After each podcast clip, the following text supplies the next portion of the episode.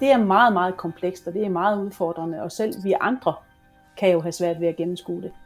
Altså, jeg synes personligt, det var øh, vildt fascinerende at snakke med en øh, influencer og hendes agent, øh, et influencer marketingsbureau, og høre, hvor udbredt det var, at der blev manipuleret med følgere, antal likes osv. Altså, at det var på en eller anden måde sådan det almindelige. Altså, i vores optik, der er det blevet øh, en nødvendighed, at vi også i skolen underviser i de her ansigtsløse kommunikationsformer og diskurser og hvad der ellers foregår. Og også tager det alvorligt, fordi det er også en stor del af elevernes, øh, hvad kan man sige, hverdag.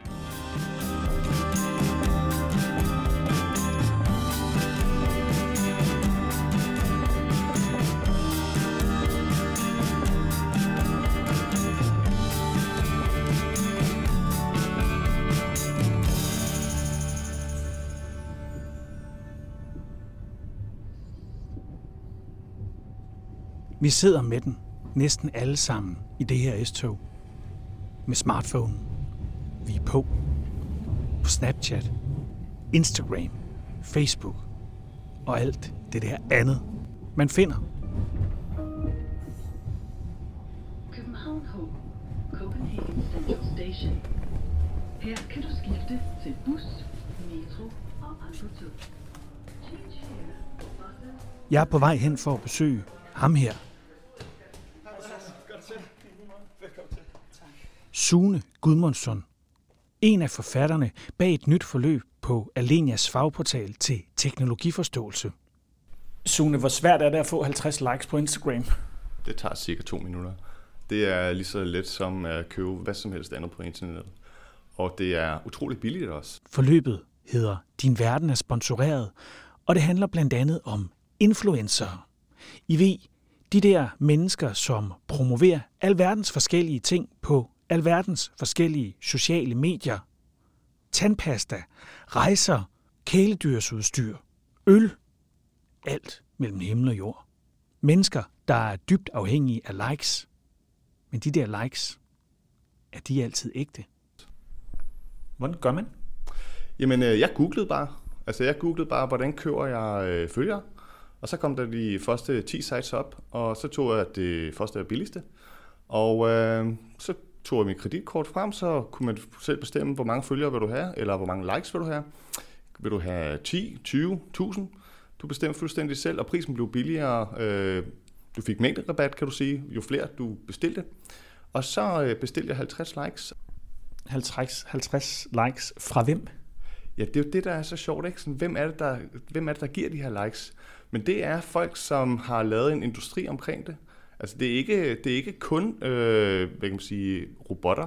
Det er også øh, mennesker, som har lavet de her profiler, og som får de her profiler til at like det. Så hvordan helt præcis det fungerer, og hvem og hvor i verden der sidder en person, der giver beskeden til de her fake-profiler, at de skal like mit opslag af en solnedgang ved Christianshavn, det kan jeg ikke svare på. Det er fuldstændig ugennemsigtigt. Øh, jeg kan sige så meget, at profilerne, der har gjort det, de virker som nogen, der kun laver den slags arbejde. Altså, du finder ikke øh, autentiske billeder eller situationer øh, på deres profiler. Hvorfor er 50 øh, falske likes god læring øh, i udskolingen teknologiforståelse? Jamen, det er det, hvis man måske stusser, øh, stusser over, hvordan at influencer, som måske har eksisteret i relativt kort tid, lige pludselig har 100.000 visninger på noget, som øh, virker ikke spektakulært. Eller du ved, det virker ikke som noget, der burde gå viralt det her. Øh, og hvis man så tænker, okay, men den her influencer reklamerer for et bestemt produkt, eller øh, ja, det kan være tøj, det kan være mad, eller whatever, det giver jo den her person noget troværdighed, at de har så mange følgere. Men den troværdighed, den er faktisk udhulet, hvis det er købte følgere. Så det er jo en måde at kunne gennemskue, hvad der egentlig er af værdi derude. I teknologiforståelsesforløbet Din Verden er sponsoreret, arbejder eleverne altså blandt andet med influencer på sociale medier. Men øh, der er også fokus på såkaldt sponsoreret indhold i mere klassiske medier, som for eksempel aviser. Altså indhold, som ligner en avisartikel, som den vi kender den, men som rent faktisk er en annonce. Og der lægges også op til, at eleverne selv arbejder med at skrive de her former for artikler, og at de selv prøver sig af som influencer. Sune Gudmundsson er kun en af tre forfattere på det her forløb. De to andre er Eva Dam Christensen og Tina Heisel. Og dem har jeg også talt med.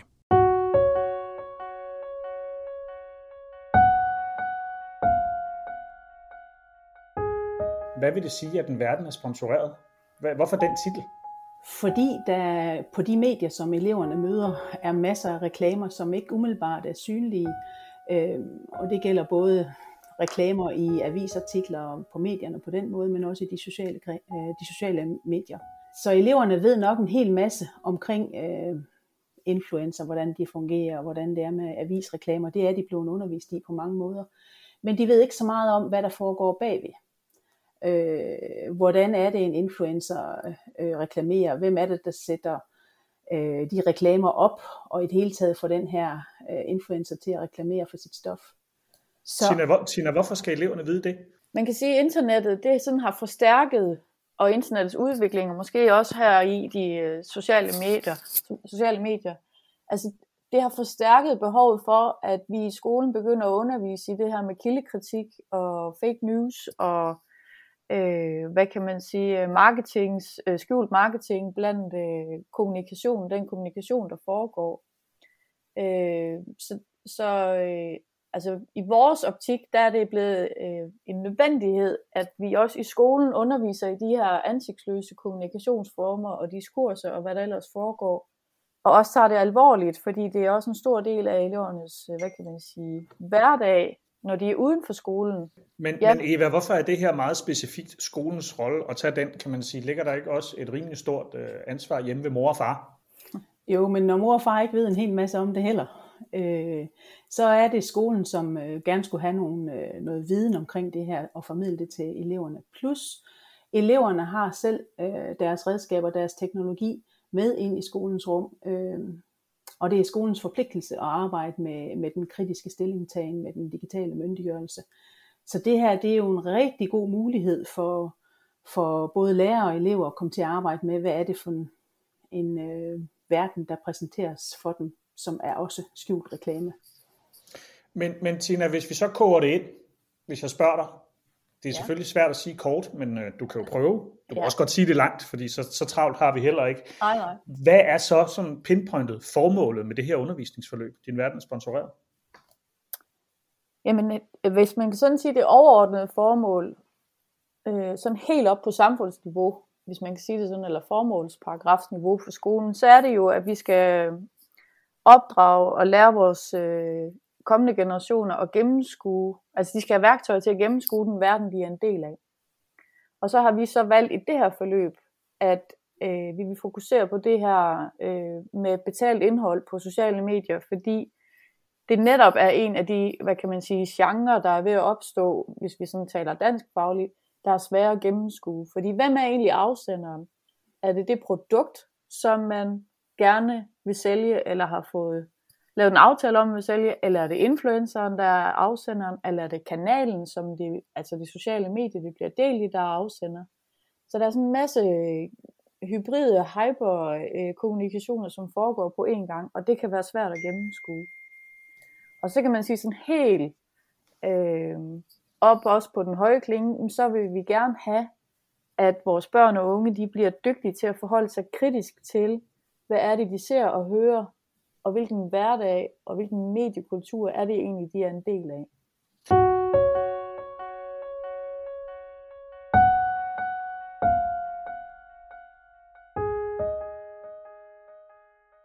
Kan man sige, Eva, at det her det er bare så meget mere komplekst og flydende og ja, hybridt, som, mm. øh, som Tina siger, end det var dengang jeg i 8. og 9. klasse øh, blev undervist i, hvordan man lavede reklamer til TV2 kl. 18.55. Det er i hvert fald 100% rigtigt. Øh, kompleksiteten, den, øh, ja, den skal de prøve at møde og forholde sig til og præsenteres for. Fordi det er godt nok en, øh, ja, det er meget, meget komplekst, og det er meget udfordrende, og selv vi andre kan jo have svært ved at gennemskue det. Og derfor er det også netop den her samtale omkring, omkring de her ting, er så utrolig vigtig. Øh, jeg synes også, det er vigtigt, at, at vi måske øh, synliggør både over for lærere og elever, at man lynhurtigt bliver påvirket af andre, for eksempel influencer. Isærligt når, når den her kommunikation foregår så, så hurtigt med billeder og med hashtags osv. osv. Wow, jeg kan lynhurtigt trykke videre, eller like noget, eller og dele det videre. Øhm, men hvad er det så, jeg deler, og hvad er det så, jeg bliver påvirket af, og hvordan øh, de, nogle af de elever, der har afprøvet projektet, de siger også, jeg bliver manipuleret til at købe det her, eller jeg bliver manipuleret til at synes, at det er fedt, fordi at der er nogle andre, der også synes, det her det er spændende. Men, men Eva, hvorfor lærer vi ikke bare eleverne, at de skal holde sig fra det? Mm. Fordi det gør de jo ikke i virkelighedens verden. Det er jo så stor en del. Hvor meget er det er flere timer om dagen, at eleverne er på, ja, unge og vi andre som end også, øh, på, på de sociale medier. Så selvfølgelig er de nødt til at, at lære at bruge det. Øh, og være kritisk og komme ind bagved og sige, der er altså en afsender her, og hvem er den afsender, og hvad er hans intentioner? Det er de nødt til at lære, hvis vi vil have, at de skal være kritiske samfundsborgere og gå ud og tage del i den demokratiske samtale. Så er der en anden ting, der er vigtig, og det er, at eleverne bliver i stand til at tale sammen om, hvad er det, det her det gør? Hvad er det for noget, det gør ved os? Hvordan lokker det os til at, at se de her reklamer for eksempel? Fordi hvis eleverne bare leverer svar, færdige svar til de opgaver, som der er i, i materialet, så, øh, så når de ikke ind under huden på, hvad er det rent faktisk, der, der sker her. De er nødt til at være kritiske over for hinanden, de er nødt til at kunne være uenige, og også være konstruktivt uenige, for at få så mange vinklinger på øh, de her opgaver, altså at tage stilling til det. Så uenighed er faktisk en rigtig, rigtig vigtig øh, ting at have fat i. Som lærer skal man være klar på, at eleverne de skal de skal kunne være kritiske ikke bare over for stoffet, men også over for hinanden.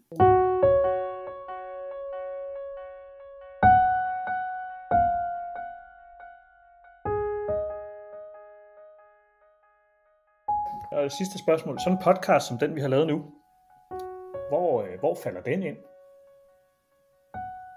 I forhold til hvad? Hvad tænker du? Jamen, øh, har vi også lavet influencer marketing lige nu, eller hvad er det, vi har lavet? Ja, vi sidder jo egentlig og laver en lille form for skjult reklame, fordi vi, vi vil jo gerne have, vores intention med den her podcast er jo også, at vi gerne vil have eleverne, eller lærerne i første omgang, prøve at klikke sig ind på det her forløb og blive nysgerrig på, hvad er det egentlig, det handler om, og hvordan kan jeg bruge det sammen med mine elever. Så ja, vi sidder der her og prøver at pege nogen i en bestemt retning, kan vi sige. Mm. Ja. Og det er, også, det er også en form for stilisering. Ja. Altså at, elev, at lærerne de får nogle redskaber til at gå bag om, om de her tekster. Øh, så selvfølgelig har vi en afsenderintention, også med det formål, at, elev, at lærerne bliver klædt på til at gå ind og tage de her samtaler med, ele- med eleverne.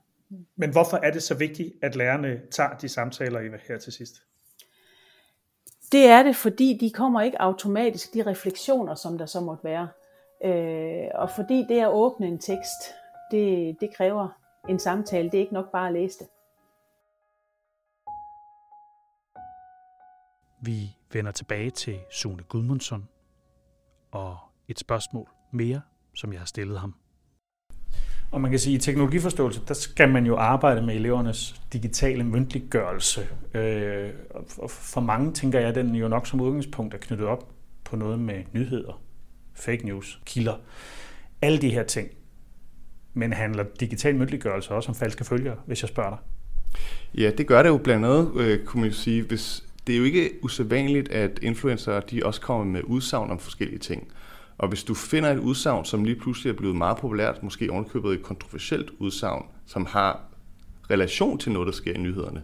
Det er jo sådan, de fleste influencer, de laver jo ikke sådan deciderede nyheder selv, men de kan kommentere på nyheder.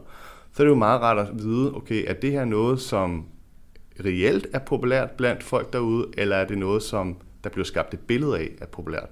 Så på den måde har det egentlig også øh, sådan lidt bredere, kan du sige, en måde at gardere sig på, hvad der er rigtige informationer og falske informationer. Sådan lyder det fra Sune Gudmundsson, en af de tre forfattere bag undervisningsforløbet til teknologiforståelse. Din verden er sponsoreret.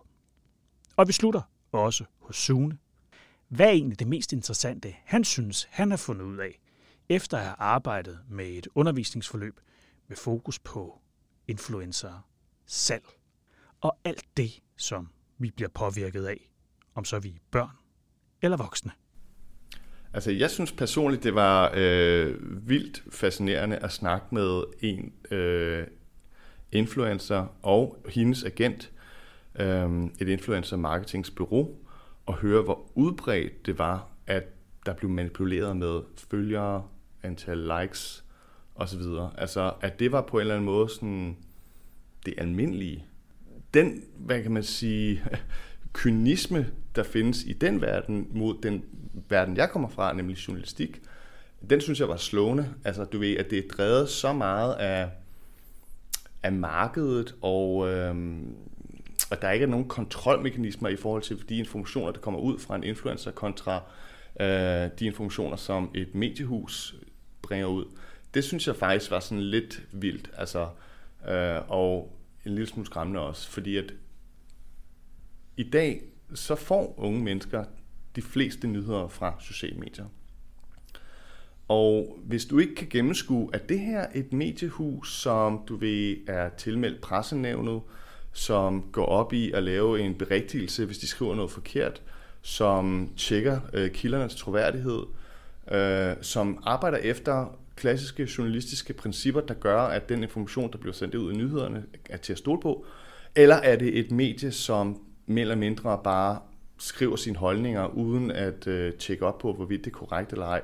Hvis ikke man kan lave den sondring som forbruger, jamen så er du lidt på herrens mark. Og det, der er sådan lidt crazy, synes jeg, ved den øh, medietid, vi lever i, det er, at det kan være ret svært at skælne faktisk.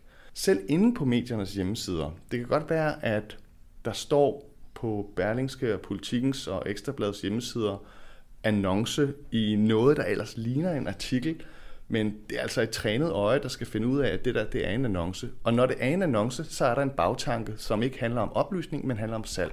Og jeg synes, det er vigtigt, at vi lærer vores unge mennesker at kunne navigere det. Du har lyttet til Alenias didakter, interview og tilrettelæggelse, Andreas Munk Stavgaard. Vi høres ved.